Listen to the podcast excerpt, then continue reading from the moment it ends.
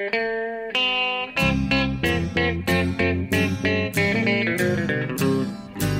out there, we're on the air. It's hockey night tonight. Tension grows, the whistle blows, and the puck goes down the ice. The goalie jumps and the players bump, and the fans all go insane. Someone roars, Bobby scores at the good old hockey game. Oh, the good old hockey game is the best game you can name. Hallå, hallå, hallå, hallå, hallå, hallå, hallå, hallå, hallå, hallå. Yes, hallå, eh, välkomna till NHL-podcasten eh, med Jonathan Hallåmannen Ekeliv som vi hörde där i Strömstad denna vecka. Och Ja, eh, precis. mig, Per Bjurman, i, tillbaka i New York. Eh, Två, de två närmast föregående eh, avsnitten har vi ju spelat in eh, tillsammans i Tampa. Ja, Men nu, nu har vi eh, skilts åt igen. Jonathan, du har flugit tillbaka över Atlanten. Eh, och jag har flugit hem till New York för att eh, säsongen 2021, 2022 är över. Ja. Och allt klart och nu börjar nästa säsong. ja, precis. Det är ju den vi ska prata om nu. Vi, det, det som hände för någon vecka sedan i Tampa när jag fick se traumat att Colorado, Gabriel Landeskog, lyfta bucklan i min kyrka. Eh, Det har vi släppt nu. Nu är det framförallt saker som är aktuellt för nästa säsong vi ska prata om. Det är, jag menar, som sagt, föregående säsong är över, men vi har ju mycket att prata om ett antal veckor till ändå ju. För det är ju stekhett nu inför hösten. Ja.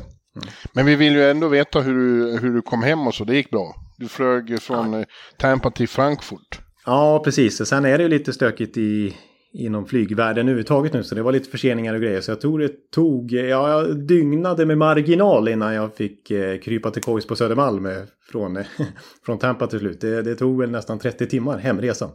Eh, Men, eh, och sen lite jetlag. Jag är ju talangfull när det kommer till att drabbas av jetlag. Det, min Ja. kropp har ju... jag klarar inte riktigt av att ställa om. Eh, Så att, men nu har det gått en vecka ju, så att nu är jag i form. Och nu sitter jag och blickar ut över Kosterfjärden här vet du. Ja, det är fint. Du är ute du. Du är ute och rör på dig. Ja, det har, det har blivit så vet du. Och det, det här eh, stugan som jag sitter i, har, förra året blev den ju benämnd i podden som Tiki-torpet. Till skillnad från Tiki-barnen vet du. Så att eh, jag har det Ja. bra. Ja. Ja, ja vad härligt. Jag, jag har faktiskt bokat min Sverigeresa. Första augusti flyger jag till eh, Sverige. Oj, vad trevligt. Ja, det är ju mindre än en månad kvar vet du. Ja, och då kanske vi gör någon, eh, någon podd ihop igen där på relationen. Det Ja, det, det brukar vara trevligt. Vi brukar köra ett uppehåll efter den sista avslutande maratonpodden eh, om ett par veckor. Och sen så brukar det dröja ett tag innan, innan vi är igång igen och kör previews eh, i höst. Men jag menar, vi brukar alltid dyka upp med någon slags sommarspecial. Allra helst genom att vi möts i studion på Aftonbladet. Ja. ja, det blir bra det. Ja, själv har jag ju då eh, varit ledig sen, sen eh, ja, eh, vi jobbade ju dagen efter där med, med podd och eh, Hall of Fame och allt vad det var. Just det. Eh, Men sen dess har jag varit ledig och nu börjar det krypa i kragen. Alltså jag är inget bra på att vara ledig. Jag tycker inte om att vara ledig. Nej, det, det känner vi till. Ja. Jag blir rastlös rätt så fort och tycker att vad, vad går livet ut på? Ska man bara sitta här och titta? Eh, så jag har börjat skriva lite eh, eh, andra saker och eh, jag är mycket glad att vi ska spela in den här podden igen. Det är dags att tänka på någonting. ja, så du får något att göra. Ja, Jag visste det, för jag kände ju på dig liksom sista dagarna av Stanley Cup-resan liksom, resan där att eh, ja, du är ju naturligtvis oerhört taggad och du skulle ha tänt till på max om det hade blivit en Game 7. Men samtidigt så tyckte du väl kanske inte var helt jobbigt att få äntligen få flyga hem till lyan igen efter eh, många veckor på vift. Nej, nej, det är sant. Men nu skulle jag gärna åka till Denver igen. ja, precis. Jag känner. Och jag visste det också samtidigt när, när du satt och, och, och sa det här i, i Tampa för någon dryg vecka sedan så visste jag samtidigt att det kommer ta tre, fyra dagar hemma i New York innan du återigen vill att liksom Stanley Cup-slutspelet ska börja om. Ja, ja. ja, nu står jag återigen som en sån här häst i spiltan och, och, och slår med benen. Ja, precis. Exakt. Backen, ja. ja, men eh, det finns alltid något att göra. Jag har ju en till blogg och nu, är, nu har vi ju, nu är det ju draft här i, i slutet av den här veckan och sen har vi free agency och det kommer, känns som det kommer hända väldigt mycket. Precis, och det har redan hänt lite. Vi ska prata om nya tränaranställningar i vanlig ordning måste vi säga. Men nu är det inte så många kvar. Det är bara en kvar vi kommer komma in på som inte är anställd än. Men eh, och det har ju redan varit lite trader och det kommer kanske bli fler trader och som sagt free agency som du säger när spelar med utgående kontrakt ska hitta nya klubbadresser. Ja, jag vill bara säga en sak om den säsong vi har lagt till handlingarna nu. Och det är ja. ju att Colorado har firat eh, grundligt. Eh, de har, de har, eh, har stått, i det, stått i riktigt bra. Och paraden måste man ju nämna Gabriels framträdande. Det blev ju en instant classic när han tar av sig i bara överkropp och står med svenska flaggan. Svenska flaggan? ja, och skriker We fucking love you. ja, ja, precis. Det får du hålla med Det får ja. du väl... Det kanske sved för mycket i dig att se. Ja, jag har fortfarande knappt släppt det här. Jag håller med vissa, jag har sett vissa på Twitter som har skrivit så här. Inte ens nu har vi räknat bort eh, Tampa Bay. Liksom så här. För de brukar ju, brukar komma tillbaka. Liksom. Jag har sett eh, Tampa-konton som har skrivit så här. Uh, unfortunately, no brain point tonight. Så här, liksom. Jag vägrar släppa det här att det faktiskt är över. Men, ja, nej, men jag, jag lyfter på hatten fortfarande återigen åt Gabriel Landeskog. Och han har ju Örby-koppling, vilket jag alltid är noga med att poängtera. Så att... Ja. ja, Bucklan kommer väl till... Det, till Örby kanske? Ja. Jag vet. Mm. ja, till Älvsjötrakten i alla fall. Precis, det är nära nog. Då måste du väl gå och titta? Ja, det får jag väl göra. Jag ska ju dessutom, när jag kommer hem här från Strömstad, då är det någon vecka kvar bara, så ska jag flytta tillbaks till Örby, vet Just det. Mm. Ja. ja, det är ja. ju... Det får stå för dig.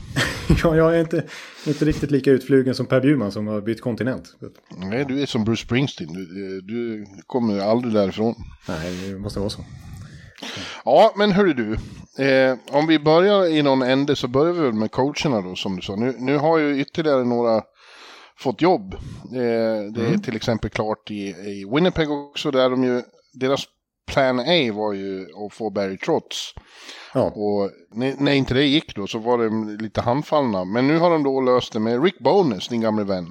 Ja, apropå Tampa, det, han har ju varit där. Han har varit i många klubbar och senast i Dallas då. Jag blev lite förvånad. Det kom lite från vänster. Det var inte så mycket rykten om att Rick Bonus skulle liksom hoppa på ett nytt head coaching jobb efter att mer eller mindre självmant. Det var väl ömsesidigt att han lämnade Dallas efter säsongen. Ett jobb han från början inte ens ville ta. Han var ju visserligen assisterande där, men när det, han plötsligt fick hoppa in som headcoach så var det ju lite motvilligt.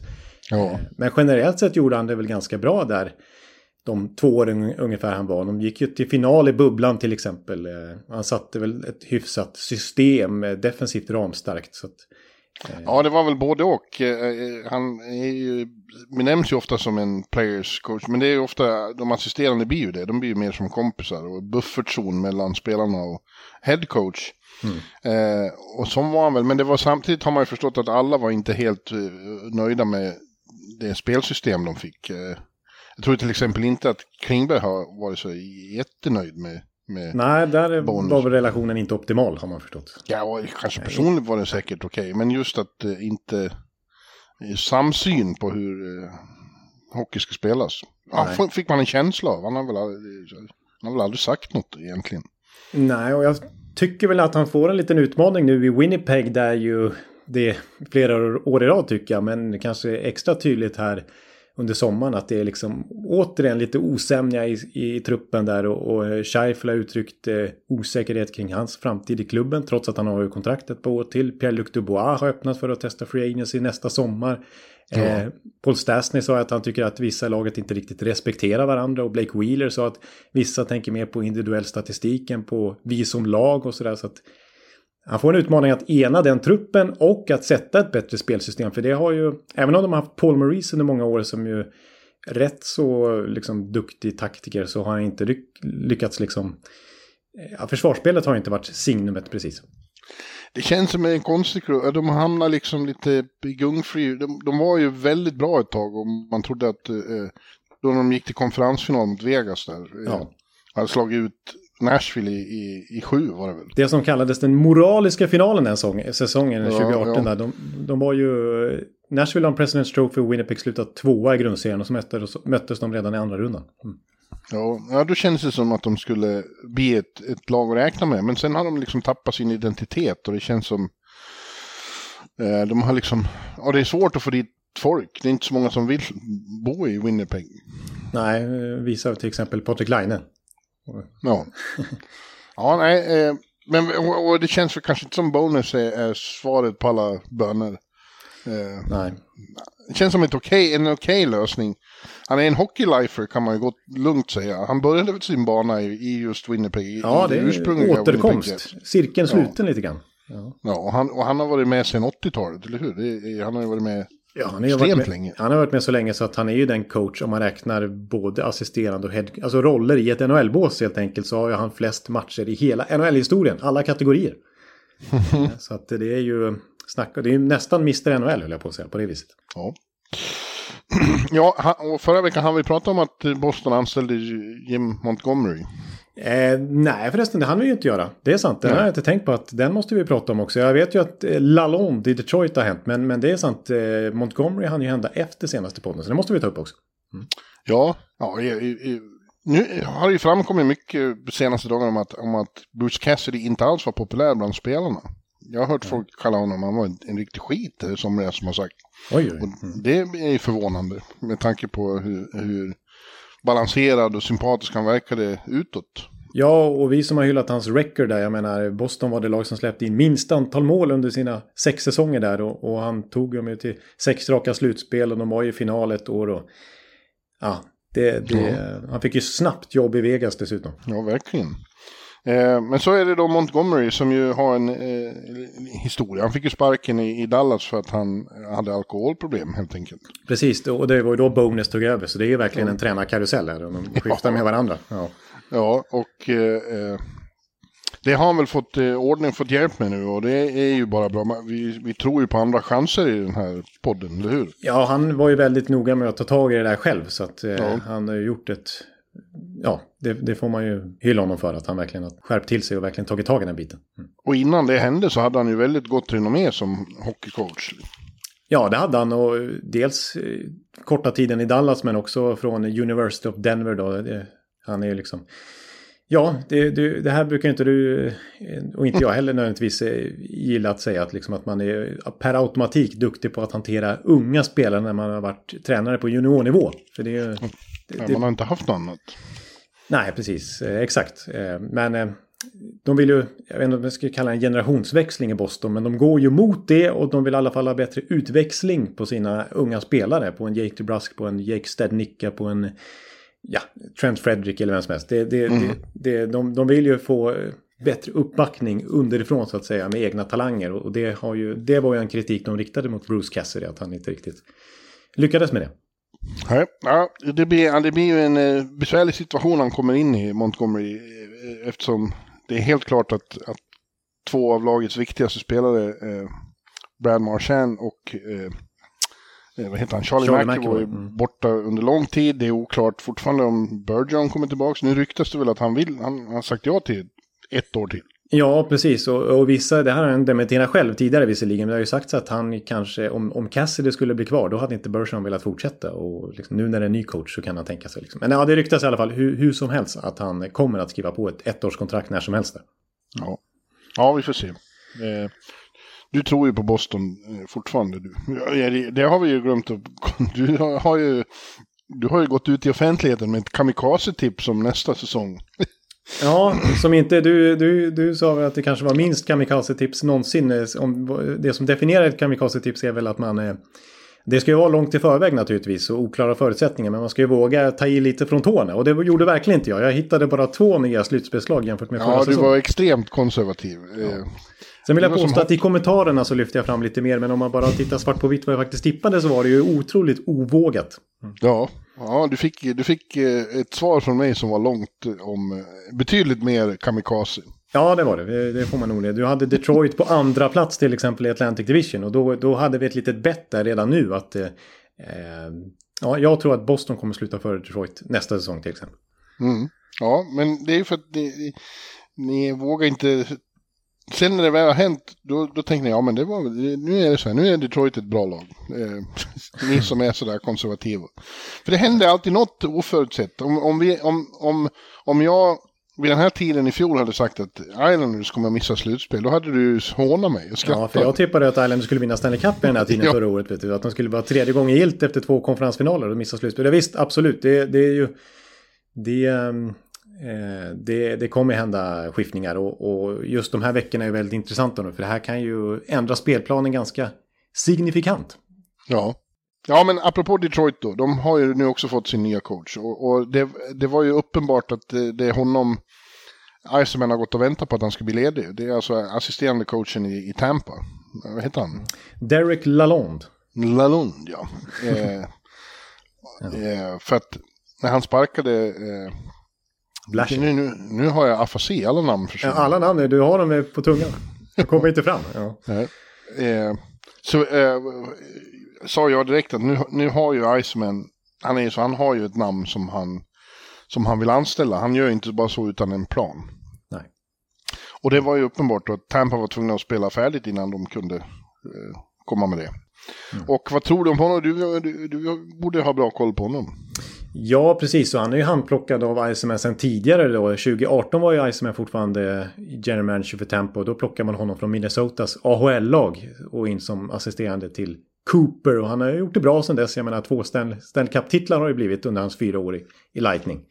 Eh, ja. Att, eh, och han har ju varit Liksom, precis som Cooper, precis som Bednar till exempel, de båda finalcoacherna, så har han verkligen en lång, liksom, han har gått den långa vägen upp till NHL. Alltså både Bednar och, och Cooper har varit i både ECHL och sen i AHL och så till slut NHL. Och även varit coacher på juniornivå. Det är samma för Lalonde, liksom juniorkarriär som coach kan man väl säga. Och sen så ECHL och sen AHL och NHL. Och, och varit framgångsrik som head coach, får man väl säga. Han har vunnit några mästerskap på juniorsidan. Han har Eh, fört något lag från botten till toppen i, i ECHL och samma sak i AHL i Minnesota. Där så deras AHL låg, låg ju sist tror jag när han tog över dem och sen så förde han dem till en mittenplacering åtminstone. Och sen kom ju Iceman och plockade honom så att mm, Ja, då, han sägs ju också vara lite av en players coach då, lite som Cooper, så kommunikativ och hans ledord Lalonts då är tillit, trust liksom. Han vill bilda en, en väldigt stark tillit mellan spelargruppen och tränarstaben. Mm. Eh, och sen är han ju taktiskt skicklig. Han har varit delaktig i allra högsta grad i, i Tampas taktiska bitar som har lyft spelet, inte minst försvarsspelet, strukturen här de sista åren. Ja, du ser. Mm. Det kommer ett enormt lyft för Detroit nu, jag lovar. Ja. Med alla, alla talanger som kommer. Edvinsson blir ny, han blir ny, eh, han blir ny Lidström direkt. Ja, det skulle jag inte säga, men, men eh, Ja, det men tror det är jag. Jag, tror, jag är optimist. Ja. Ja, jag ska vara ärlig och säga att jag har inte tänkt så mycket på Lalonde som, och det har inte varit så mycket rykten om honom som liksom headcoach i ett annat lag senaste tiden. Men det är klart, ser man på hans historik här sista åren i Tampa och vad han faktiskt han uträttade dessförinnan som headcoach då så, så är det klart att han kanske har förtjänat den, den här chansen. Ja. Och Iceman som du har varit inne på, han brukar ju veta vad han håller på med. Ja, men delar du inte bilden av att, att uh, han hade redan bestämt sig för honom och bara väntade på att Tampa skulle bli klara med säsongen. Ja, det känns ju så med tanke på att det tog en intervju, sen var det klart. Alltså, det, det, det här var väl i eh, görningen sen lång tid tillbaka helt enkelt. Det, det, det, var, det var bara en tidsfråga tills Tampa skulle åka ut och sen... Ja, jag håller verkligen med dig. Det, det, allt tyder ju på det. Ja. Chicago han vi pratade om förra veckan, va? Om ja. Luke, Luke, Luke Richardson, vad fan. Ja. ja. Men... Eh, Sen kom ju en liten skräll då i, i San Jose där vi, där vi vet att de ju eh, letar efter eh, ny general manager. Men nu letar de efter ny coach också. För sent om sidor så fick eh, Bob... Ja. Det Bob. där namnet, det gör ingenting att du har problem med det. Det har jag, så att jag tänker inte ge mig på det. Och det är skönt, nu slipper jag det, för nu, nu försvinner ju Bob... Boffner. Boffner säger vi. Jag vill säga det för att det ska bli barnvänligt. Mm. och det var ju... Eh, Ja, jag har inte några höga tankar om honom som coach, men det var lite taskigt. Han får sparken när alla andra jobb är eh, i princip fyllda. Det finns inga jobb kvar för varken honom eller de assisterande. Nej, det, var ju lite, det var lite eh, att de, varför väntar de så länge för? Ja, för det var ju, verkar ju varit liksom såklart att eh, nya general manager skulle få sätta sin egen tränarstab. Så de hade ju kunnat sparka han redan liksom direkt ju, som du är inne på. Ja. Men eh, först nu, och ja precis, Boner, Boner sa jag det, Boner. Nej, men nu sa jag det, nu sa jag det på det där sättet som man inte ska säga. Bogner då, Bochner. Ja, jag sa ju det. Ja, du sa det. Jag sa det. Jag visste det. Bochner. Han, jag berättade för en gång för Erik Karlsson att du uttalade så. Han slutade aldrig skratta. Mm. Nej, jag vet inte, alltså det... Ja, men nu, nu, nu, ja. nu kanske jag inte får ett jobb med tanke på att de flesta rollerna är fyllda i alla fall. Men han har ju varit skicklig som assisterande han också. Ja. Så att, ja, jag kan förstå att han är lite irriterad på att han inte riktigt får chansen nu. Utan att det, det, liksom, det är för sent i princip. Ja, eh, det är det ju. Och ny coach i San Jose kommer vi väl inte att få höra om förrän, som du säger, de har skaffat en ny general manager också. Ja, precis. Och när vi spelar in det här då, då vet vi inte vem det är. Men bara om en och en halv timme knappt ska de faktiskt ha en presskonferens. Och då påstås det att den nya general managern ska presenteras. Och det har ju läckt ut uppgifter om att det ska vara den gamla NHL-spelaren Mike Greer. Som i så fall blir den första mörkhyade general managern i NHLs historia. Ja. Eh, så det blir spännande att se vad han eh, gör sen. Eh, hans bror är ju faktiskt general manager i NFL, i Miami Dolphins. Så att det går i släkten och hans far har också varit väldigt hög position, ledarsida i, i NFL då. Så att ja, släkten där är riktig idrottsfamilj och managementfamilj. Ja. Det gick ju rykten ett tag om att det skulle vara Garpenlöv då, men, men jag, tror all, jag tror att det bara var något som någon tog i luften. Precis. Jag tror aldrig att det var aktuellt. Ja, de som har trätt fram som slutkandidater så fanns ju inte Garpenlövs namn med där så att säga. Nej, jag tror att det var det här. De hörde att det, det är någon före detta spelare. Eh, och, och, så bara satte det igång ett rykte. Ja, ja, precis. Det var förmodligen ingen substans där. Nej. Men vi återkommer vem, vem Greer till slut. Om det nu blir ja. Greer, vi tror det i alla fall. Eh, utser som, eh, som coach. Det har ju ryktats lite om David Quinn faktiskt. Eftersom att de har, känner varandra sedan tidigare. Ja, Jaha. Ja. ja, men han är inget bra heller. Nej, det vore jag. För San Jose skulle hoppas jag på ett annat namn. Ja. ja, vilket hoppas du på då? Vilka fler finns det där ute? Eh, Rick Tockett? Rick Tocket tycker jag verkligen förtjänar en ny chans i, i, ligan. Och han har ju varit och intervjuat med alla lag nästan, känns det som här eftersom alla som har sökt eh, ny coach. Så det är ju ett dussin i princip. Ja. Eh, så att, men fortfarande inget nytt jobb. Så att, eh, han tycker jag... Han är bra i tv, han får vara Ja, det är väl det. Han är, sägs ju också väldigt nöjd med den rollen. Så han kanske inte ja. nöjer, nöjer sig med vad som helst. TNT, de är bra de. Ja, de verkar ju utklassa ISPN enligt den allmänna opinionen. Mm. Ja, nästa år är det de som gör finalen också. Det blir roligt. Ja, det ser. Ja, ja.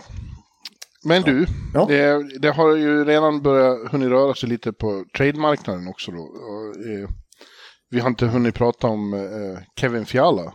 Han är Fiala bra. Han är Fiala bra, så det, måste, det är det första vi, vi säger. Eh, det vet ni. Ja, eh, men han har hamnat i LA. Det första, han hade ju utgående kontrakt och, och rättigheterna tradades till LA. Men där skrev han snabbt ett nytt kontrakt. Ja, ett, ett mastigt kontrakt ja. på nästan 8 miljoner dollar per säsong i sju år var det väl. Ja, eh, som sätter marknaden lite grann här för övriga toppspelare som ska ha nya kontrakt nu. Ja. ja, precis. Till exempel Filip som ja. är bättre än honom. Ja, precis. Ja, precis. Sen ska vi säga det att i, i, i just det, om vi jämför de fallen direkt, så i Nashville så Tennessee där så är det ju ingen delstatsskatt. I Kalifornien som Fjalla har skrivit på där, då, där är det högst delstatsskatt. Ja, Fjalla har högt i Kalifornien. Ja, det är Fjalla högt där vet du. Så att, eh, eh, så att det får man ändå ta in i beräkningen att eh, då, då blir ju eh, han får, liksom, nettolönen blir ju lägre och då måste ju ändå capiten gå upp lite grann kanske. Så att, ja. Men han, absolut, det är, det är spännande. Alltså eh, Kings, det, vi pratade en hel del om dem förra sommaren också. Att, att de börjar gasa sig ur sin rebuild. rebuild. Ja. Då såg vi hur de tog till sig Viktor Arvidsson. De signade Philip Danot på free marknaden eh, De tog ju sig till slutspel den gångna säsongen också. Ja, de, det var ju ett klart lyft för dem och jag tror att de befinner sig absolut i rätt eh, riktning, rörelsen i, i den klubben. De, de kan komma att bli bra. Mm. Kevin Fiala återförenas alltså med, med Arvi, eh, hackspetten. Ja, just det. Fiala är ju gammal Nashville-spelare. Det är ja. ju andra gången han blir tradad. ja. Eh, så att eh, nog, nog, känns det som ett... Eh, vad, vad, det, vad gick i utbyte till Minnesota? Det var ju bara... Det var ett, eller bara, men det var ett första runda val i ja, LA då, som är i mitten av draften, typ 16-19 valet eller vad det var. Och eh, vad hette han då? Faber den här backtalangen som ju är från University of Minnesota. Vet du. De älskar det. Är, det är bara ja, jag och Minnesota som gillar den här lokalkopplingen. ja. Eh, det är, jag menar, Minnesota med Zach Parisi och Ryan Suter. Det är visserligen Wisconsin, men, men Parisi från Minnesota. Och det har varit Thomas Vanek som gick University of Minnesota. Det har varit Nick Bjugstad, ett, ett, ett, ett eh, nyligt exempel på en spelare. De tar hem lite grann av sentimentala skäl nästan. Ja. Men så är det ditt andra lag också har vi ju sagt. Ja just det, jag hävdar ju att Minnesota har jättesnygga tröjor. Det tycker ingen ja. annan förutom jag. Eh, men jag, den, den här Faber är ju en stor talang i Han är väl kapten där i University of Minnesota. Så att, eh, de hoppas ju mycket på honom och Bill Guerin är väldigt förtjust i honom. Så att, eh, de är väl nöjda med det utbytet. Ja. Annan det, då. det, det måste ja. vi lägga till också. Att det, det har jag nämnt flera gånger förut. Men det är väldigt värt att understryka. Varför de tradar Fiala överhuvudtaget. Det är av ekonomiska skäl. De har inte löneutrymme. Alltså, man kan säga så här om man ska vara krass. Att Minnesotas lönetak är inte 82,5 miljoner dollar som det är.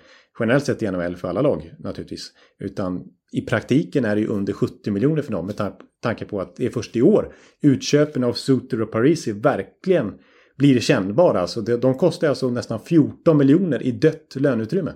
Ja. Det är ju otroligt och, och kommande två åren efter det blir det 15 miljoner nästan i dött löneutrymme. Så att de har inte mycket att röra sig med och du vet nytt jättekontrakt med Caprizo som har kickat in här om året. Så att... Eh... Ja och sen... Eh, ja, de, de hade väl inte räknat med att lönetaket skulle vara så här lågt när de Nej. gjorde de utköpen. Så det har ju satt dem i en situation. Ja, det tror jag visserligen att de, att de trodde, för det var ju i pandemin de gjorde de här Ja, det var det. Ja, okej, Mm. då ber jag om Men, ursäkt. Eh, Men eh, ja, men det var, det var kostsamt att göra dem där och uppenbarligen tyckte, att, tyckte de att det var värt det ändå. Och därför tror jag att det var så viktigt för dem att prestera förra året när, när döda löneutrymmet bara var 5 miljoner dollar för dem.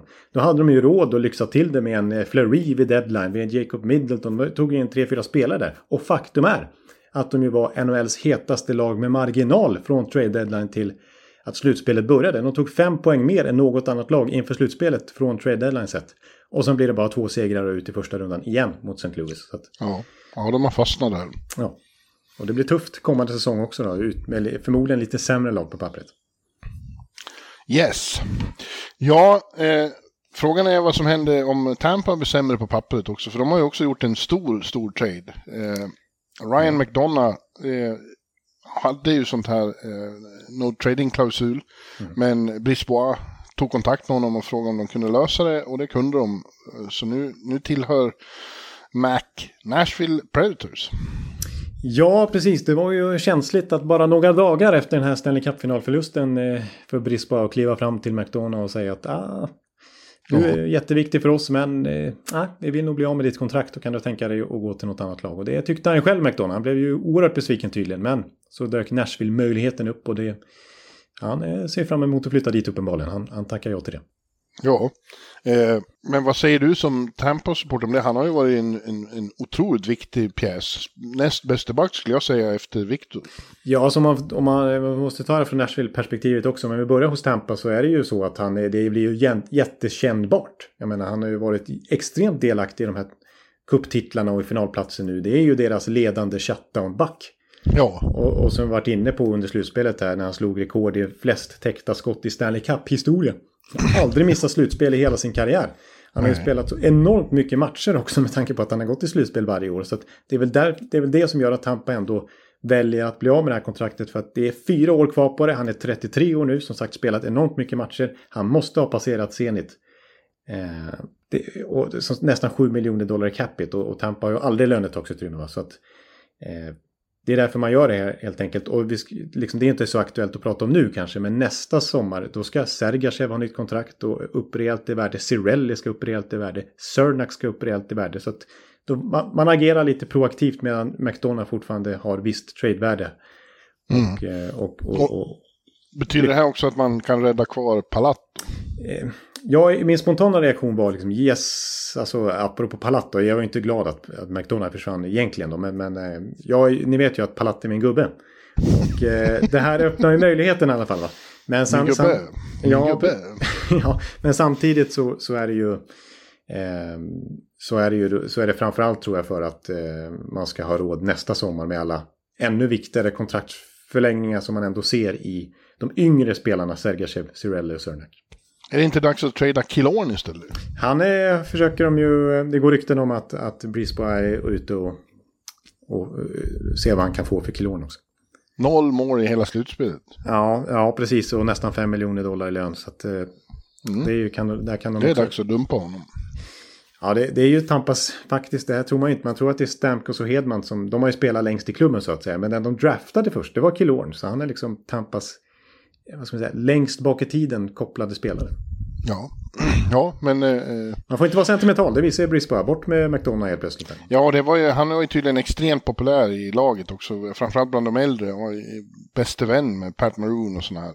Ja, och ska, jag tänkte ju på det att när de var i Vita huset för att fira de här dubbla titlarna här i våras. Då var det ju inte Stamkos som höll lagets tal Utan det var ju Ryan McDonough som gick vandrande där sida vid sida med, med Joe Biden och sen representerade laget genom sitt tal så att säga. Visserligen är han amerikan och Stamkos kanadensare, vilket kanske var anledningen. Men det säger en del Ja, om nog. och vilken röst, vilken viktig röst McDonough har varit liksom utåt och in i omklädningsrummet och så vidare. Han är ju verkligen en ledare.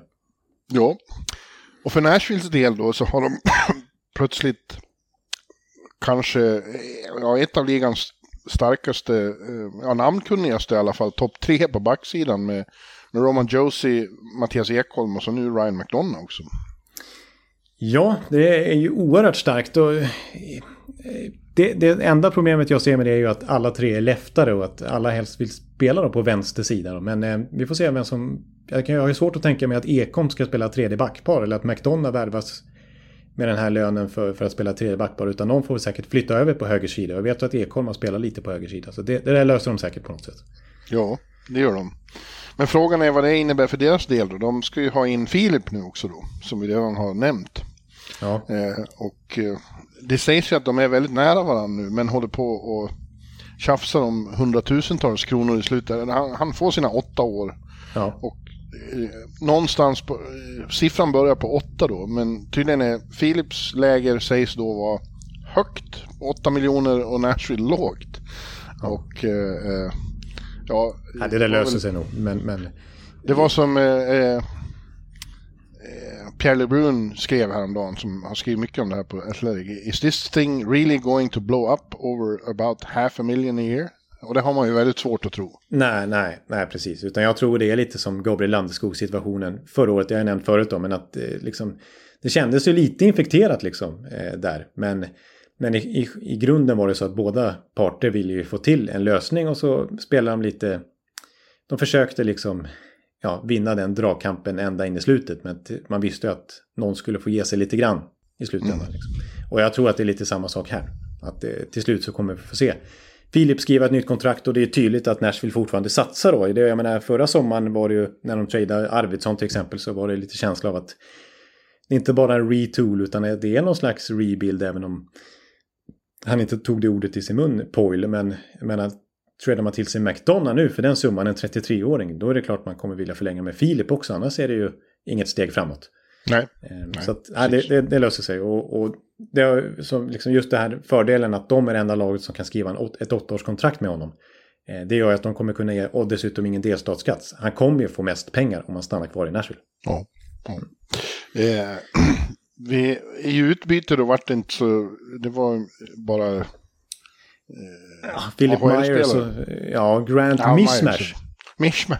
Det är ett väldigt roligt namn. Han, är han, han är bra på lite av varje. Ja, det får man säga. Ja, Mishmash. ja, ja. Jag, vill- alltså jag sa att jag så vill jag heta också. Per Mishmash. ja precis. Per Mismash. ja, det är väl inte så mycket att tala om. Philip Myers har ju ett så konstigt kontrakt så att det var mycket spekulationer att de skulle köpa ut honom direkt. Vilket hade gett dem 6 mil- 600 000 i lönetaksutrymme. Jag har aldrig hört talas om något sånt. Att de, de skulle få lönetaksutrymme Ja. för att köpa ut honom. Inte bara liksom bli av med lite grann. Och det, det, det var väldigt märkligt. Men, men det har ju Brisbois sagt direkt att nej, han ska vi försöka få in i NHL-laget. Vi, vi har följt honom sedan juniortiden och, och gillar hans toolbox. Så att, Ja. eh, ja, vi får se. Men eh, det, framförallt vill de ju öppna löneutrymme för andra kontrakt. Mm. Men du, sen eh, det är ju inte bara Filip det skrivs om och ryktas om, utan det är mycket rykten i luften nu om, om eh, trader och eh, signingar och så. Ja, precis. Man kan ju, det, det, dels är det ju spela under kontrakt som det är rykten om att de ska tradas. Till exempel eh, sticker sticker ut för mig Alex DeBrinket att han plötsligt skulle tradas från Chicago. Men eh, jag tänkte vi kanske snarare ska prata om, om unrestricted free agents, de som ju bara här om en vecka drygt har utgående kontrakt och fortfarande inte har skrivit på något nytt kontrakt med sitt nuvarande lag. Filip är ett sånt fall som vi redan har pratat lite om, men ett annat är ju Johnny Gaudreau. Ja. Ja, vad är din känsla där då? Kommer han att bli kvar i Calgary? Det, det, jag tycker ofta det blir så här när, det- när, när det sägs, när det är liksom kommer att hända eller kommer inte att hända så blir de kvar. Det är oftast så. Det är lite tråkigt i NHL jämfört med NBA till exempel där det är enorma namn som byter klubb hela tiden. Ja, ja, precis. LeBron James har varit i hur många lag som helst i princip. Ja, och, och, nu här i, i, Brooklyn Durant har begärt trade. Liksom. Det är som att eh, Austin Matthews skulle begära trade. ja, ja, ja, precis. Ja, men men eh, i, Gaudreaus fall så tror jag att det är större chans att han lämnar Calgary än att Filip Forsberg lämnar Nashville faktiskt. Mm. Eh, däremot så vill ju Calgary väldigt gärna behålla honom. De respekterar att inte snacka kontrakt under säsongen. Det ville ju inte Gaudreau.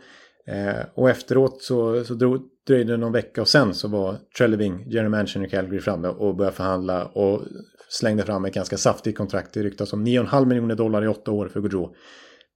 Och eh, att han är beredd att liksom skruva upp det om han skulle behöva matcha någonting. Eh, men det, det det handlar om är ju om Gaudreau faktiskt vill stanna i Calgary. Han känner en väldig lojalitet mot om han trivs där och så vidare. Men han är ju en östkustmänniska i Gaudreau. Han är ju från New Jersey ursprungligen, fast lite åt Pennsylvania-kanten så att han är ju största storstaden i närheten är ju, är ju Philadelphia så att han är ju gammalt Flyers-fan sedan länge. Ja, jo. Men det kanske han inte är. Nu har ju de skaffat en coach som det inte är säkert att han vill spela för. Nej, precis. Det, det känns som att det kanske var mer intressant för några år sedan. Men att, eh, att spela under Tortorella i ett lag som var 39 poäng från slutspel förra säsongen. Jag vet inte om det lockar så mycket. Nej. Eh, men New Jersey kanske kan vara intressant. Jag menar, där, det är ju ändå den delstat han kommer ifrån. Och han har sin familj och massa vänner där. Han har sitt liv på somrarna ofta eh, på östkusten där. Och, och New Jersey är ju lite på uppgång. Då kan han få spela med Jack Hughes. Eller med Nico ja, Det är väl känns som en destin tänkbar destination för många, för de har gott om löneutrymme också. Precis, och lite som Los Angeles Kings som vi pratade om, alltså öppna nu för att börja gasa sig ur rebuilden, börja satsa. Vi såg ju förra sommaren när de vann dragkampen om Doggy Hamilton.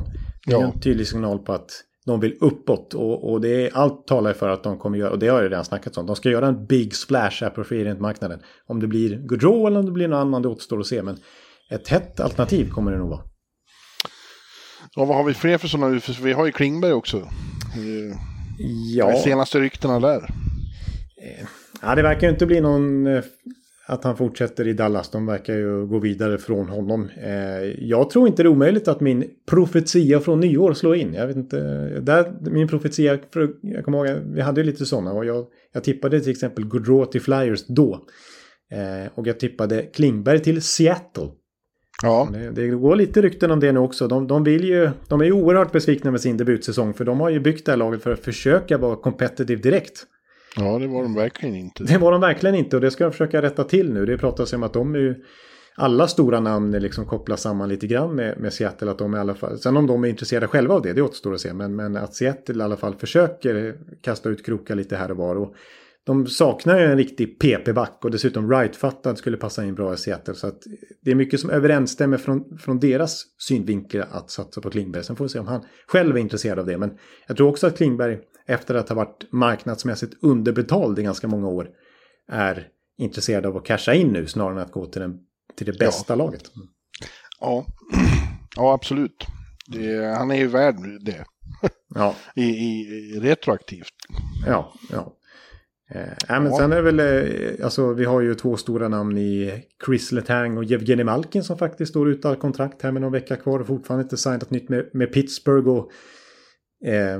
ja. de, ska ha fått, eh, de ska fått varsin deal om två år men har bara walked at it som de säger. Ja, var, varken nöjda med, med själva längden där eller lönen. Nej. Eh, där, där sägs det ju dock att eh, Letang är den som är närmast i så fall. Att, att där skiljer det någon miljon i, i lön till exempel. I, vad de vill ha. Eh, men att Malkin där, är, där, han är inte nöjd med, med Pittsburgh vad de har erbjudit hittills. Att han, är, han kanske... Det blir Washington. Ja, det vore ju något. Det, det är ju ett löst rykte om att han skulle, jag menar att, att eh, om Beckis då sätts på long time injured reserve här kanske hela säsongen. Eh, ja. Att, att de ska utnyttja det löneutrymmet till att ta in någon riktig centerstjärna istället då. Och att Malkin skulle vara ett alternativ. Det vore ju väldigt känsligt med tanke på Pittsburgh. Washington-kopplingen, men jag menar Malkin skulle väl kunna tänka sig att spela med Ovechkin till exempel. Ja, då har Putin alla sina favoriter i samma lag, ja. inte det bäst? Ja, det är... Blir CSKA Washington, jag säger ja. ju det. Ja, ja. ja, du ser. Ja, nej, så det där får vi se vad som händer. Det, det är ju stora namn. Och sen har vi ju ja, vi har ju Claude Giroux, det är ju lite av de här deadline-namnen igen. Claude Giroux är det ju heta rykten om Edmonton. Ja, det kom ju häromdagen att de, ska, de försöker bolla internt där hur de ska lyckas knö in hans kontrakt. Eh, och få liksom, det kanske inte blir någon Evander Kane-fortsättning där, det är högst tveksamt. Och att de ska hitta en ny lekkamrat till McDavid eller Dreisaitl eller Nugent Hopkins där på, på kanten. Och att Giroux är ett namn de diskuterar ju. Det skulle ju vara något. Giroux med, eh, med Conor McDavid. Det, lite kittlande är ju tanken. Ja, precis. Jag vet inte riktigt hur de, om de har råd med det löntagsmässigt. Men det kanske går. Och sen får vi se hur mycket Giroud, om han är ute efter pengar eller eh, mer contender-status. Det verkar som att han är lite mer ute efter att vinna snarare än, se, får se om Edmonton verkligen kan gå hela vägen. De gick i alla fall till konferensfinal, så det ser ju lite ljusare ut nu. Eh, men eh, annars, liksom, om man inte prioriterar pengar kanske så har det pratats mycket om att han ska flytta hem inom citationstecken till Ottawa. Mm. Som väl också är ett sånt där lag som är lite Devils Kings situationen. Att de vill uppåt nu och ska börja investera snarare än att investera i draftkapital så ska de investera i tunga etablerade nyförvärv och att de väldigt gärna vill ha Giroud som ju spelar sin juniorkarriär där. Ja. Så att, och det vore ju ett väldigt välkommet nyförvärv till dem. Det skulle ju boosta Ottawas eh, chanser. Ja, de tror ju du på. Ja, ja, men jag hyllar dem lite i kommentaren där i Kamikaze-tipset. Jag tycker ändå att de har kommit. Jag menar, jag gillar ju Drake Batterson och jag gillar Josh Norris och jag gillar Brady Kachak och jag gillar Stützle och jag gillar några av backarna där. Och det är målvaktssidan. Ja, Anton Forsberg var ju bra förra säsongen i alla fall. Så att eh, lite etablerade nyförvärv därtill. Så ja, inte så långt ifrån att kunna utmana om en slutspelsplats. Ja, eh, det pratas också om att, att Edmonton väldigt aggressivt eh, eh har eh, Puljujärvi ute för försäljning. Han vill tydligen därifrån och de eh, dinglar honom framför alla, andra lag. Ja, precis. Och, och, ja, exakt. Det... Ja, jag vet inte. Han har väl inte blivit vad de hade hoppats på. Men han känns som att han har blivit lite oförtjänt hackkyckling också. Att, liksom, framförallt i media att det har varit mycket så här, väldigt mycket kritik mot, mot Puljujärvi. Att det är en stor orsak till att de inte kunde ta ytterligare ett steg i detta slutspel var att eh, Puljärvi inte producerade alls på samma sätt som i grundserien. Mm. Eh, men ja, det kan vara en eh, liten... Det verkar inte som att man behöver trada så mycket för att få honom och då kanske man kan få en liten eh, stil där. Eh, pratas ju om till just Ottawa till exempel för Puljärvi. Ja, en annan eh, som, nu kastar vi oss mellan trader och UFA här, men eh, Mark-André Fleur är ju återigen eh, ämne för diskussion. Eh, Eh, Minnesota är fortfarande med i kampen om honom sägs det, men också då till exempel Toronto. Ja. Som, eh, som letar efter en uppgradering på målvaktsfronten. Eh, de litar inte helt och hållet på Jack Campbell. Han är ju enormt bra ibland, men inte kontinuerligt. Nej, han verkar inte bli svaret som de hoppades på på målvaktssituationen där. När han verkligen fick chansen den här säsongen. nej, Flurry, det är väl kortsiktigt i alla fall så Colorado kan också bli aktuellt. Kemper lär inte bli kvar där. Nej, nej precis. Så får vi se. Jag, jag kan tänka mig att Fleury också, jag menar han hade sitt stora kontrakt med Vegas som tradades vidare till både Chicago och Minnesota på 7 miljoner dollar per säsong. När det är borta nu så han har ju tjänat så mycket i karriären så att han går nog mest efter situation han nu också. Vart, vart han kan vinna och vart familjen kan trivas. Ja. Och, och då, då kanske han inte behöver vara så dyr och jag menar då skulle ett lag som Colorado kunna knö in honom. Samma sak med Toronto som inte har mycket löneuttagsutrymme. Ett, ett roligt alternativ. Men är han, är han eh, Flower? Finns det Flower Power kvar? Ja, ja nej, men jag tyckte han ändå var bra förra säsongen igen. Alltså inte någon liksom Vessina-mässig på något sätt, men... Eh, men jag, jag, tror absolut, jag, jag, jag, skulle nog se honom som ett bättre alternativ i Colorado än Kemper till exempel. Ja. Ja, grejen är ju, just nu har man bilden av att, ja, bättre än Kemper skulle vara. Det finns inte så många bra målvakter. Det finns eh, eh Vasilevski, Sjesturkin, Ottinger eh, och... I alla fall baserat på slutspelet så har ju verkligen Ottinger visat... Eh... Markan. Det, det, det pratas ju mycket nu om att Ottinger skulle någon kunna ta med en offersheet. Ja, just det. Ja, försöka... Ja, Varför inte liksom, om man har verkligen behov av en, av en bra målis. Det är för lite offersheets. Ja, det är ju roligt. Det är ju fantastiskt med offersheets. Så det hoppas vi får, får se lite här och var. Ja. Fick i alla fall se Aho, ja Kotkaniemi. Aho mm. häromåret och så Kotkaniemi förut. Så vi har ju fått se ett per år här nyligen. Så det vore kul. Ja, det vore kul. Ja, vad har vi mer då? Ett, ett namn till jag tycker vi kan slänga upp. Eh, Jag ska hinta om det redan nu. Att jag har ju gjort min årliga mockdraft. Om det är någon som undrar över det. jag vet inte om det är det. Men jag brukar köra en mockdraft inför talangdraften som vi snart kommer in på. Men innan vi eh, gör det. Så tycker jag vi kan ta upp, eh, apropå eh, Colorado som vi snackar lite löst om här. Nasem Kadri. Det är ju ett intressant namn. Ja, verkligen. Ja, det är fler i Colorado som inte kommer att bli kvar. Burra eller inte bli kvar. Det ska bli intressant att se var han hamnar också. Nej, jag tyckte jag läste här att, att Burakovsky ska ha blivit informerad om att han redan nu vet att det blir ingen fortsättning i, i Colorado. Den de framförallt siktar in sig på att förlänga med är Nisjurskin. Ja. Eh, och så vill de väldigt gärna ha Kadri kvar också. Men jag tror inte de har råd. Därför att jag tror att Kadri, han går nog mycket efter pengarna nu. Han fick sin Stanley Cup. Och han har ju varit marknadsmässigt underbetald i nästan hela sin karriär. Så att han är nog, jag menar, nu kommer han från 87 poäng i grundserien. Överlägset sin överlägset bästa säsong. Poängmässigt. Och dessutom en Stanley Cup-titel när han var betydande i slutspelet. Så att jag tror att han kommer verkligen det pratas ju om kanske 8-9 till och med miljoner dollar i lön för honom här. Och det kommer ju Colorado inte ha råd med. Nej. Eh, Och många, många lag intresserade. Han nämns ju även där sägs det ju, sägs det ju Washington till exempel. Det sägs Seattle naturligtvis.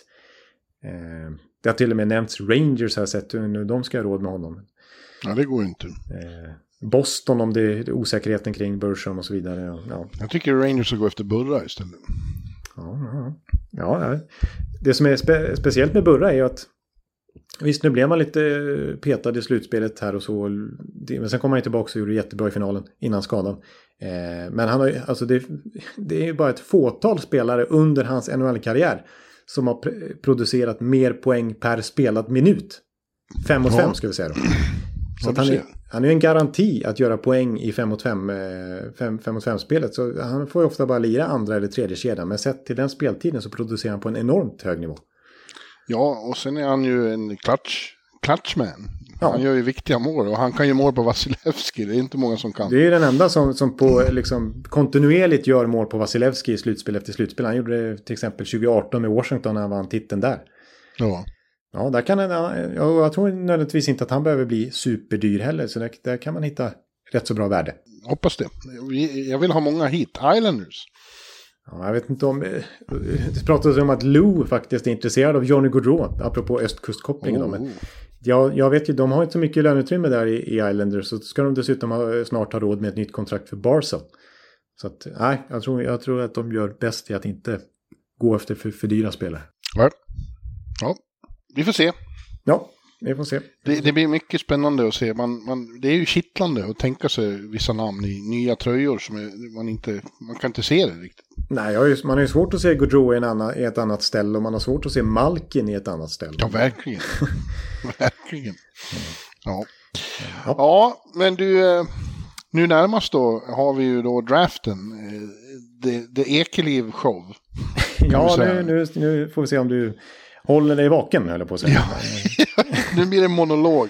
Eh, men- för att jag, eh, det är ju som vanligt, alltså jag förstår inte hur man, jag har fullt upp med att ha, ha koll på de färdiga spelarna som spelar i ligan och, och min, min koll på prospects är ju inte den bästa. Jag, jag kan inte säga att de borde ta den istället för den.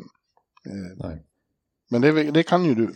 Så nu ska vi lyssna på det. Nu ska jag inte ta på mig en alltför stor hatt. Utan jag, men jag, jag tycker sånt här är intressant och följer med under säsongen och, och läser på. Framförallt läser jag om dem snarare än att jag, jag... Och jag ser dem ju i de här internationella turneringarna. Men jag kan inte påstå att jag sitter och kollar så mycket på Kingston Frontenac i OHL. Så att jag har fullständig koll på till exempel Shane Wright som ju tippas gå som nummer ett. Men eh, jag har ju hyfsat bra koll på de här, eh, i alla fall toppspelarna. Och eh, därför ska jag köra nu eh, i vanlig ordning. Det är fjärde, femte året i rad som det är en NHL-podden special mock draft. Mm. Jag tippar hur de åtminstone tio första valen går. Men det är ju intressant så till så mycket jag har förstått. Det är inte helt, det är inte lika givet som det ofta är, vem som ska gå etta. Det kan, det kan ändras. Det ja, precis. Nu har det svängt pendeln lite grann eh, till en annan spelare vi kommer in på som kan gå som nummer ett. Det finns till och med ett tredje alternativ som det ryktas som kan gå som nummer ett. Och det, det hör ju inte till vanligheterna. Det brukar ju vara en given etta. Ja, Så att eh, vi får se, det är, det är, det är öppet här. Eh, Montreal som jag alltså ska drafta som nummer ett på hemmaplan. Till slut så får de an- arrangera den här draften då. Det skulle de väl gjort redan 2020. Men så har det varit två virtuella drafter och nu följde det sig till och med så att de fick första valet. Vann draftlotteriet och få gå upp först av alla på hemmaplan i Bell Center. ja. Hoppas att Gary är där då, att han är frisk från sin covid nu. Så kan ja, just det, så man kan bua åt honom. ja, där lär han väl vara grymt utbuad. Ja, verkligen, om det är någonstans nästan. Ehm, ja, men ska jag sätta igång då eller? eller vill Jonathan, ja? golvet är ditt. Tack så mycket, commissioner.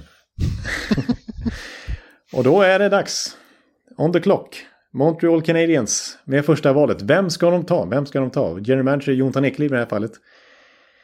Väljer att säga så här att with the first overall pick the Montreal Canadiens are proud to select from the Kingston Frontenacs of the Ontario Hockey League Shane Wright. Mm. Och då ska vi säga att det jag kan nämna nästa namn som, eh, som det ryktas om också, Juraj Slavkovski. Vem ska de ta som nummer ett? Som nummer ett? På sist, sista tiden här har ju ryktats om att de kanske föredrar Slavkovski faktiskt. Men jag har ju tippat Wright då, som ju alltså är en...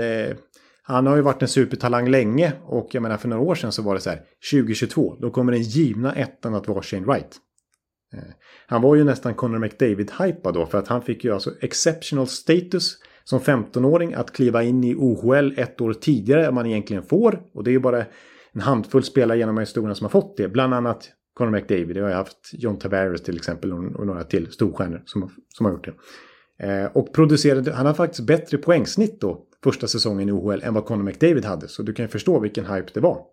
Ja. Eh, men sen har det ju liksom anledningen till att han då inte är solklar nummer ett i år är väl för att han har kanske inte riktigt fortsatt det och så kommer en pandemi där han inte spelar en enda tävlingsmatch på 19 månader. Eftersom att OHL stäng, ställde in en hel säsong.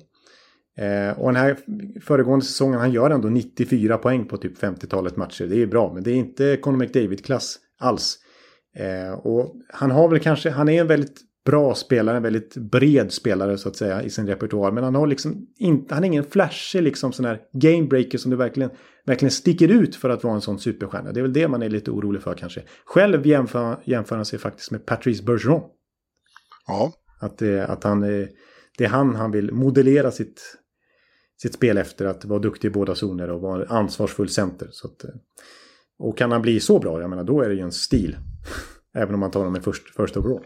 Du, får jag fråga en sak? Ska du gå igenom hela första? Nej, nej då, då, då, då håller vi på här du, till, eh, det är tio första. Till nästa säsong. Um, ja, nej men, det, så att, men jag tippar Wright som, som uh, nummer ett i alla fall. Mm. Uh, nummer två blir det då för New Jersey Devils. De är proud to select Juraj Slavkovski då från uh, TPS Åbo i Finland. Ja. Slovakien ju som vi ju lärde känna under våren. OS skyttekung. Eh, som 17-åring, ja, 17, ja, 17, ja. Så vann han ju faktiskt OS skytteliga och, och, dominerade mot Sverige där i bronsmatchen i OS. Och nu ska vi komma ihåg att det var inget OS med NHL-spelare. Det var ju inte mot Elias Pettersson och Viktor Hedman och, och Mikael Zibanejad som han var bra i den där bronsmatchen. Eh, så att, eh, ja, och hans radarpartner där var ju Marek Rivik från, från Leksand då, som ju inte har slagit, lyckades slå sig in i NHL. Så jag vet inte stora slutsatser man ska dra av det, men det är ändå imponerande i den åldern att vara så bra i seniorhockeyn här borta i Europa. Mm. Eh, och en stor man, alltså det är en karakar här trots att han är tonåring fortfarande. Jag menar, han är, väger över 100 kilo redan vet du. Över 1,90 lång, det är en snacka om kraftpaket.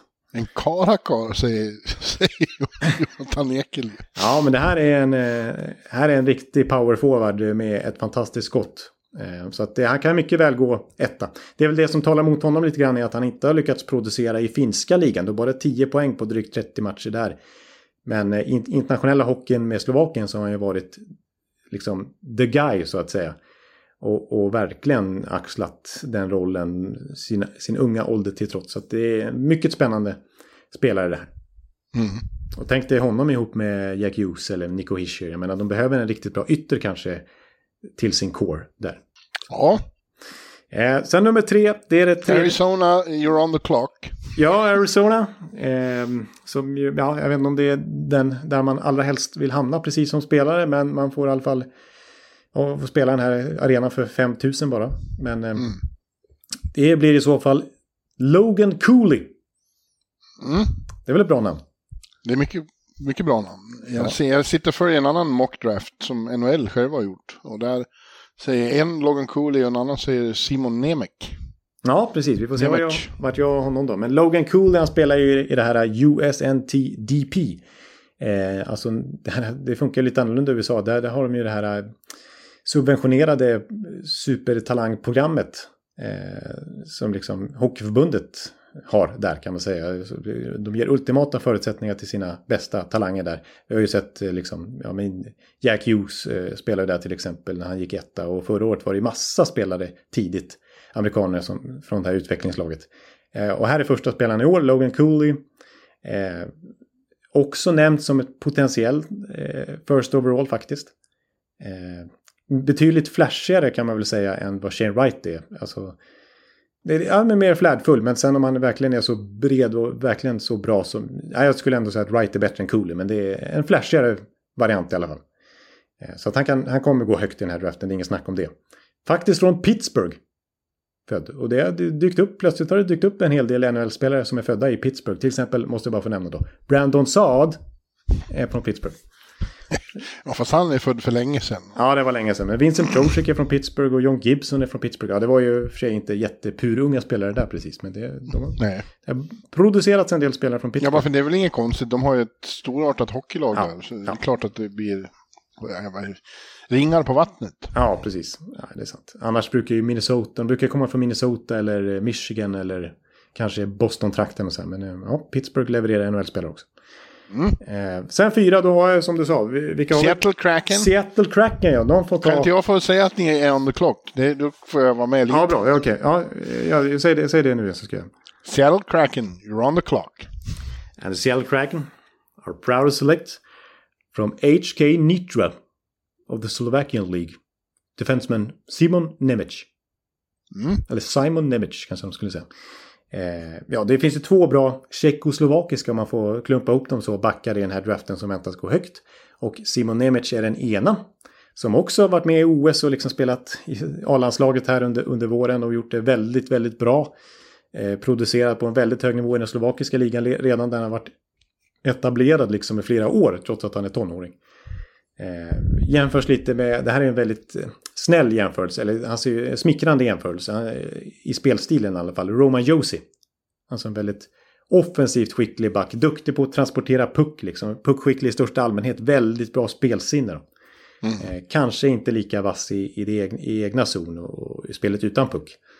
Eh, men eh, det här, han kan mycket väl bli en, en stor back Simon Nemec och det här skulle vara ett bra val för Seattle, så mycket kan vi säga. Ja. Philadelphia Flyers, you're on the clock. Yeah, and the, the Phila... Yeah, så skulle man inte säga. Jo, Eh, jo, så kommer han att gå upp och säga. Det är tårtan som får sköta Ja, det. vi säger Tortorella får ta det här. Ja. Ja. Yeah. Uh, the Philadelphia Flyers are proud to select from US National Team Development Program forward Cutter Gauthier. Och så ska, så, så, och så ska tårtan understryka att du kommer få en väldigt difficult eh, training camp. Ja, Be precis. ready. you- Be ready. Be ready, Cutter. Come on, man. Grow up, kid. Ja, och med- honom ber jag få påpeka att det finns lite eh, svensk eh, Ja, koppling. jag tänkte ja, ta det själv, för jag tänkte Nej, nämna nej, för ta det du. Ta Ska jag ta det? Ja, nej, men jag tänkte, jag har skrivit upp här att han, han är, kan förmodligen vara Bjurmans favorit i den här draften eftersom att han har ju en farsa som har spelat i Leksand. Ja, precis. Ja. Och Skellefteå. Precis, och han är själv född då i Skellefteå, Cutter. Ja. Och Cutter är ett väldigt ovanligt namn. Men Ja. den här kom ju upp, eh, han var ju med när de presenterade Top Prospects på finalen. Ja. Eh, Att det var hans svenska mamma som hade tagit från någon eh, bakbok. Och alla kom till mig och sa, vad betyder cutter på svenska? Ja, det, vi har väl ingen jävla cutter. Nej, jag tänkte också, var fick hon det ifrån? Ja, Ja, Jaha. Ja, men farsan hette ju Sean Gauthier då och var målvakt i både Leksand och eh, Skellefteå i början av 2000-talet då. Eh, och Carter är väl född då 20, 2004 som de spelarna är i den här draften i första hand. ja. Själv, alltså det här är ju ett kraftpaket också. En, lite om en karakar. Kanske inte på samma sätt som Slavkovski. Men det, är en, det här är en, en power forward också.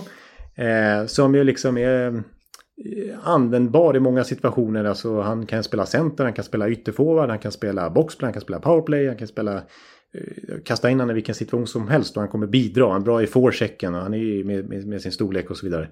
Eh, eh, så det, det här betraktas ju som ett ganska säkert val. Alltså kanske inte högst potential precis i den här draften men du kommer få ut en bra NHL-spelare av honom. Och han själv jämför sig med Pierre-Luc Dubois som är lite liknande. Kan både spela ytter och center och liksom, kanske inte vinner poängligan men kommer vara med och producera. Mm. Så att, eh, det, där har vi Cutter Gothi. Okej. Okay. Go Cutter. Ja. Columbus Blue Jackets. You're on the clock. Yes. Huvud. Huvud. Huvud. Montreal. Yes. Uh, with uh, sixth overall pick. Så, ska, ni inte, ni inte köra någon så här tacka Montreal för... Ja, just det. Thank you uh, Montreal for your great hospitality. Wonderful weekend here. Yes, very much. Yes. And uh, congratulations to the Colorado Avalanche for a tremendous uh, playoffs. uh, also the Tampa Bay Lightning. Wow, what a team! What a team! Uh, and with the sixth overall pick, the Columbus Blue Jackets are proud to select from H.C. Pulsen of the Czech League, David Juricek. Mm. Ja, det, är, det är ju han och Nemets. Där är det lite tycke och smak. Vilken av de här två backarna eh, föredrar man? Eh, Nemets otroligt skicklig offensivt som sagt. Det är även Jirisek. Eh, sägs ju ha en, en, ett otroligt slagskott till exempel. Det är en kraftfullare back, en liksom resligare herre än vad Nemets är. Eh, men inte kanske riktigt lika hög potential offensivt men däremot mer, mer ett, stabil i egen zon. Mm. Eh, så, ja. Men det, det tål ju påpekas att man aldrig riktigt, det går inte att veta. Det var ingen som trodde att, att Cale McCarr skulle bli Cale McCarr. Nej, precis. Han gick väl fyra, eller hur? Han gick fyra, precis. Mm. Mm. Ja, det... Och nu är han världens bästa back. Ja, precis. Så det, det, ja, det, ja. Men om man föredrar som sagt Nemets eh, jämförs lite åt Josie-hållet medan eh, Jiricek är lite mer åt Alex Pietrangelo-hållet. Ja. Om man ska Sådär. Ja, vi, går, vi går vidare. Vi går vidare. Ja, nu är det Ottawa Senators, you're on the clock. Yes, uh, okej. Okay. The Ottawa Senators. Säger de okej okay när de kommer upp? Ja, ja, de börjar säga så. Okej, okay, Gary Bettman. Uh, the Ottawa Senators are proud to select from Djursgarden of the Swedish oh, League. Mm. Du, du tar honom så högt upp? Ja, men det är lite, det här är lite svensk bias också. Jonathan Ja. En riktig sniper.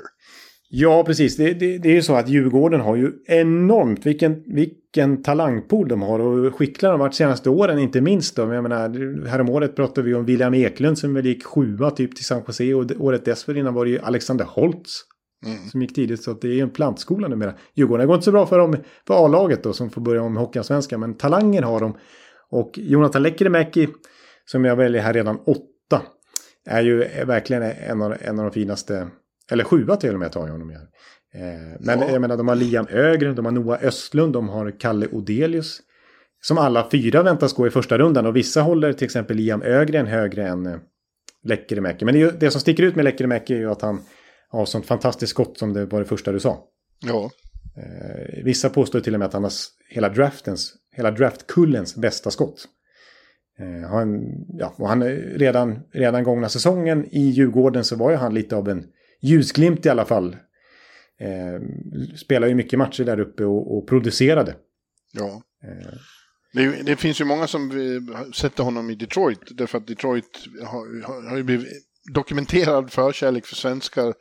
Och tänker sig honom Lucas Raymond på en kant, han på den andra kanten och så en bra center i mitten. Det, det skulle vara något. Ja, det skulle vara något. Det skulle, det skulle vara häftigt. Så det är absolut inte omöjligt att om han är tillgänglig när Iceman kliver fram att han återigen tar en, en svensk ju. Ja. Eh, det som är lite kul med, med Lekkerimäki var att The Athletic gjorde en så här en, en lång artikel där de intervjuade alla de här top prospects och sa att läste upp liksom deras egna omdömen om respektive spelare och så här, håller du verkligen med om det här som vi tycker om dig? Och när de pratade med Jonathan Lekkerimäki så hyllade de hans skott och bla bla. Men han är lite för beroende av sitt skott. Alltså han skulle behöva liksom öva på andra saker i spelet också. Och framförallt så är han kanske inte tillräckligt competitive. Att han, liksom, han måste tävla mer och måste jobba hårdare. Faktiskt för att kunna bli en riktigt bra NHL-spelare. Och så frågade de, håller du med om det? Och han sa, ja. Det är fair. Håller du även med om det här om att du inte jobbar tillräckligt hårt? Ja ja, ja. Så att eh, det är väl lite speciellt att han faktiskt erkände det. Men, men vi får hoppas att han, att han jobbar på det och blir ännu mer av en, inte bara av en liksom sniper som åker runt och fiskar eh, uppe vid blålinjen utan faktiskt jobbar lite i backchecken också. Det är väl det, är väl det där det finns en liten osäkerhet kring honom. om han verkligen har den mentala Men eh, jag tycker, jag var imponerad av honom i Djurgården gångna säsongen. Hur, hur pigg han kändes. Och man såg ju vilket skott han har. Du går och kollar på Djurgården fast du försöker påstå att du inte är Djurgårdare. Du känns Ja, men det är ju nära till hands vet du. Jag har mycket kompisar som håller på Djurgården. Så jag var ju Ja. faktiskt spännande de här Timrå-matcherna i kvalet. Ja, jag tror att det är lite Djurgårdare över det i alla fall. Det var det värsta. Och, jag, och ändå bor jag på Söder vet du. Så att jag blir anklagad för att vara Hammarbyare också. Tillfälligt, Snart gör du inte det längre. Nej, det gör jag ju precis. Jag skulle hem till Örby. Hem till Örby igen. Där, det var fint. Ja, det hade vi inte räknat med. Nej, nej. Ja.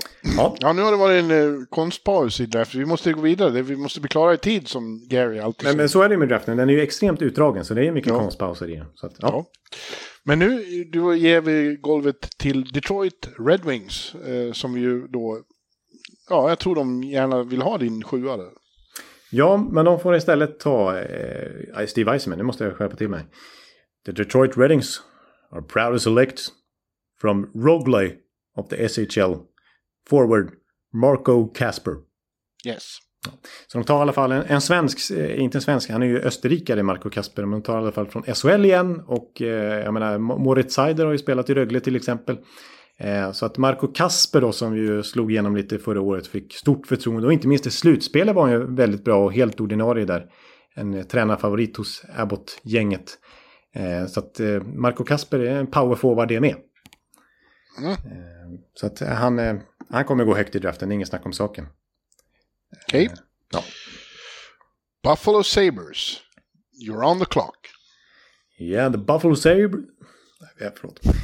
The, the Buffalo Sabres are proud to select from Djup of the Finnish Liga. Joakim Kemell. Ja. Det är lite lustigt att Finland har en eh, top prospect med ett svenskt namn och vice versa. Ja, just det. Vi har Lekkerimäki som är svensk och, och Joakim Kemell som är finne då. Finsk. Finsk. man. Finländsk. Finländsk. Ska Man säger inte finne. Nej, det får man inte säga. Och jag som ju själv är halvfinländsk då. Jag ska inte hålla på och Ja. slänga mig med finne. Eh, men eh, ja, han är, det råder ju delade meningar om eh, Kemell. Att, eh, att vissa håller honom definitivt topp 10. Kanske till och med topp 5 i, i något fall. Men eh, vissa har honom så här. Botten av första rundan. Ja, NHL har honom sjun- som Ottawas val. Sjunde val. Sjunde valet, precis. Och jag har sett någon som har honom typ som 29. Liksom. För att han är kanske lite, det är lite Lekkerimäki-grejen där. Ett fantastiskt skott, men möjligen något endimensionell. Har han verkligen spelet i övrigt för att kunna använda sitt skott i NHL? För att komma till de lägena liksom. Eh, Det är väl det som är grejen med honom. Men han är ju... Han öppnade förra säsongen i finska ligan extremt bra. Var point per game de första 16-17 matcherna. Och det är ju imponerande i finska högsta ligan där. Men sen kommer skada och när han väl kom tillbaka från den då producerar han inte alls i närheten på samma nivå. Så vi, vi får se. Men det, det är en stor talang som Finland återigen får fram. Det, jag menar, det är, fortsätter att spotta ut sig talanger och, och Kemell kommer det säkert bli en NHL-spelare av också. Ja. And Finally, uh, in this uh, uh, rumphuggna first round, Anaheim Ducks, you're on the clock. Yeah, the, the Anaheim Ducks are proud to select from the Winnipeg Ice of the Western Hockey League Matthew Savoy. Mm. Ja, Jag, jag tror kanske att Anaheim är lite intresserad av att drafta en back. Men om de tar en forward och Savoy fortfarande finns tillgänglig så slängde jag in honom här.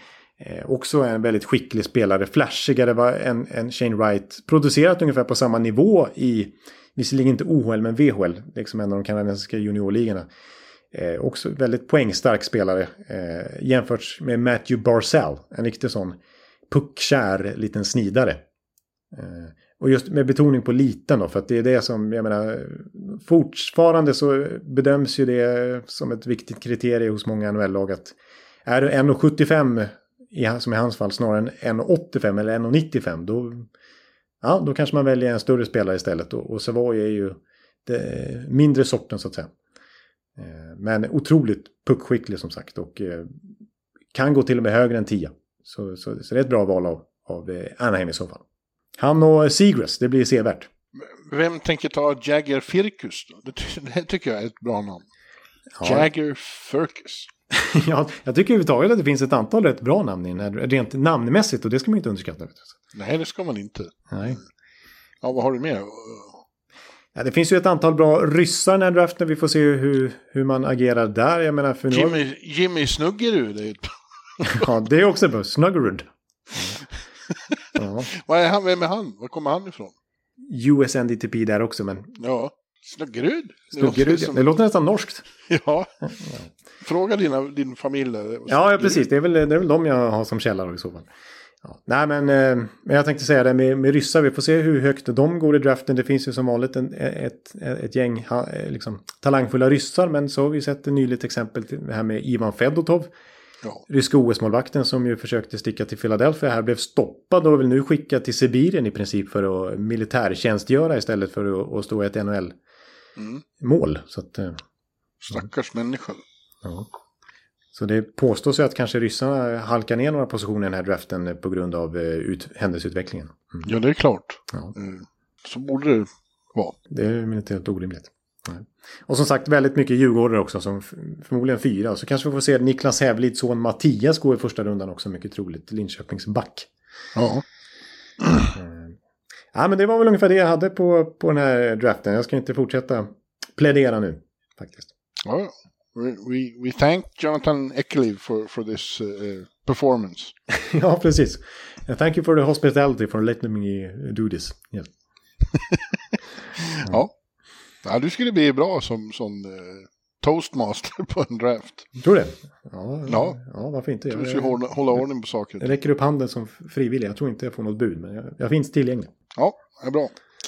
Ja, men du, eh, då kollar vi draften och vi får väl anledning att kommentera den lite när vi pratar nästa vecka igen. Och då, då eh, håller vi på med Free Agency-racet mer intensivt. Precis, ja, vi får se. Vi spelar väl kanske in eh, antingen eh, någon dag innan Free Agency börjar eller precis efter. Vi får se hur, hur vi gör. Men eh, vi återkommer med en podd nästa vecka i alla fall. Ja, det gör vi. Och sen så blir det ytterligare en till efter det där vi går igenom hela alla lag. Jo. Ja.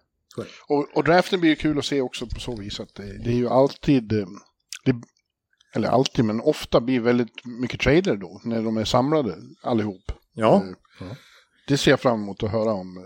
We have a, a trade to announce. då rycker Bettman fram. Först blir utbuad och sen så säger han eh, trade. Då går ett sus genom publiken istället. Victor Hedman's been Nej, traded nej, nej, to. New York Rangers.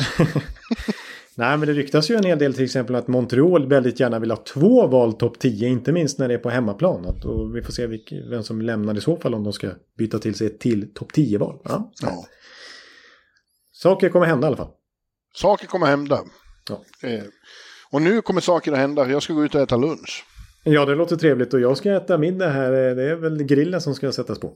Jaha. Här hade vi ju stor grillorgie orgie igår. Det var ju 4th of July eh, i måndags. Och eh, fyrverkerier precis utanför mitt fönster här i East River. Jävlar, det, det smällde så det hette duga. Ja, men det måste varit coolt ändå att se från, från den vinkeln. Ja, det var eh, enormt mycket människor här runt omkring i kvarteren. Vi var liksom center of the universe för en gångs skull här ute på, på, på din runt, del. runt, runt the Corinthian. Ja, ja just det. Ja. Ja, jag- ska, nu ljög jag, för det är ju, grillen blir det nog imorgon kanske. Nu, nu står det faktiskt här borta i köket och puttrar en fisksoppa. Det är bara själva fisken, fisken som ska ner här efter podden, vet du. Sen ska vi få äta. Ja, du kanske har tagit med dig fisk hem från Florida. Du visade dig Ja, ja, nej, faktiskt inte. Nej, det är inte jag som har fiskat den här heller. Utan nu blir det... Nej, nu är det västkustsk fisksoppa. Ja, ja, vad härligt. Nu får du ha det så gott med den och så eh, ha en bra draft och så hörs vi nästa vecka. Ja, men det blir trevligt. Och tack alla som har orkat lyssna på oss även denna vecka så hörs vi snart igen. Yes, hej då! Hej, hej! Hallå, hallå, hallå. Hallå, hallå, hallå. Alex Chiazot, Joe Luis Arena och Esposito. Esposito. Uttalsproblem, men vi tjötar ändå. Och alla kan vara lugna, inspelningsknappen är på. Bjuder Hanna Kohl, han är grym i sin roll. Från Kållesoffan har han fullständig kontroll på det som händer och sker. Det blir ju allt fler som rattar in hans blogg. Och lyssna på hans podd. One, two, three, speed, so Hallå, hallå, hallå. One, two, three, speed, so Hallå, hallå, hallå. Ekeliv, som är ung och har driv. Verkar stor och stark och känns allmänt massiv. Han hejar på Tampa och älskar Hedman. Sjunger som Sinatra. Ja, och där ser man. Nu är det dags för refräng. Dags för magi, Victor Norén. Du är ett geni. Så stand up at home and remove your hats. Höj volym. För nu är det plats. One, two, turn, speed, målplan. Hallå, hallå, hallå. One, two, turn, speed, målplan. Hallå, hallå, hallå. One, two, turn, speed, målplan. Hallå, hallå, hallå. One, two, turn, speed, så på målplan. Hallå, hallå, hallå. Det är otroligt länge sedan båda samtidigt var så här bra. Hallå, hallå, hallå. Det är otroligt länge sedan båda samtidigt var så här bra.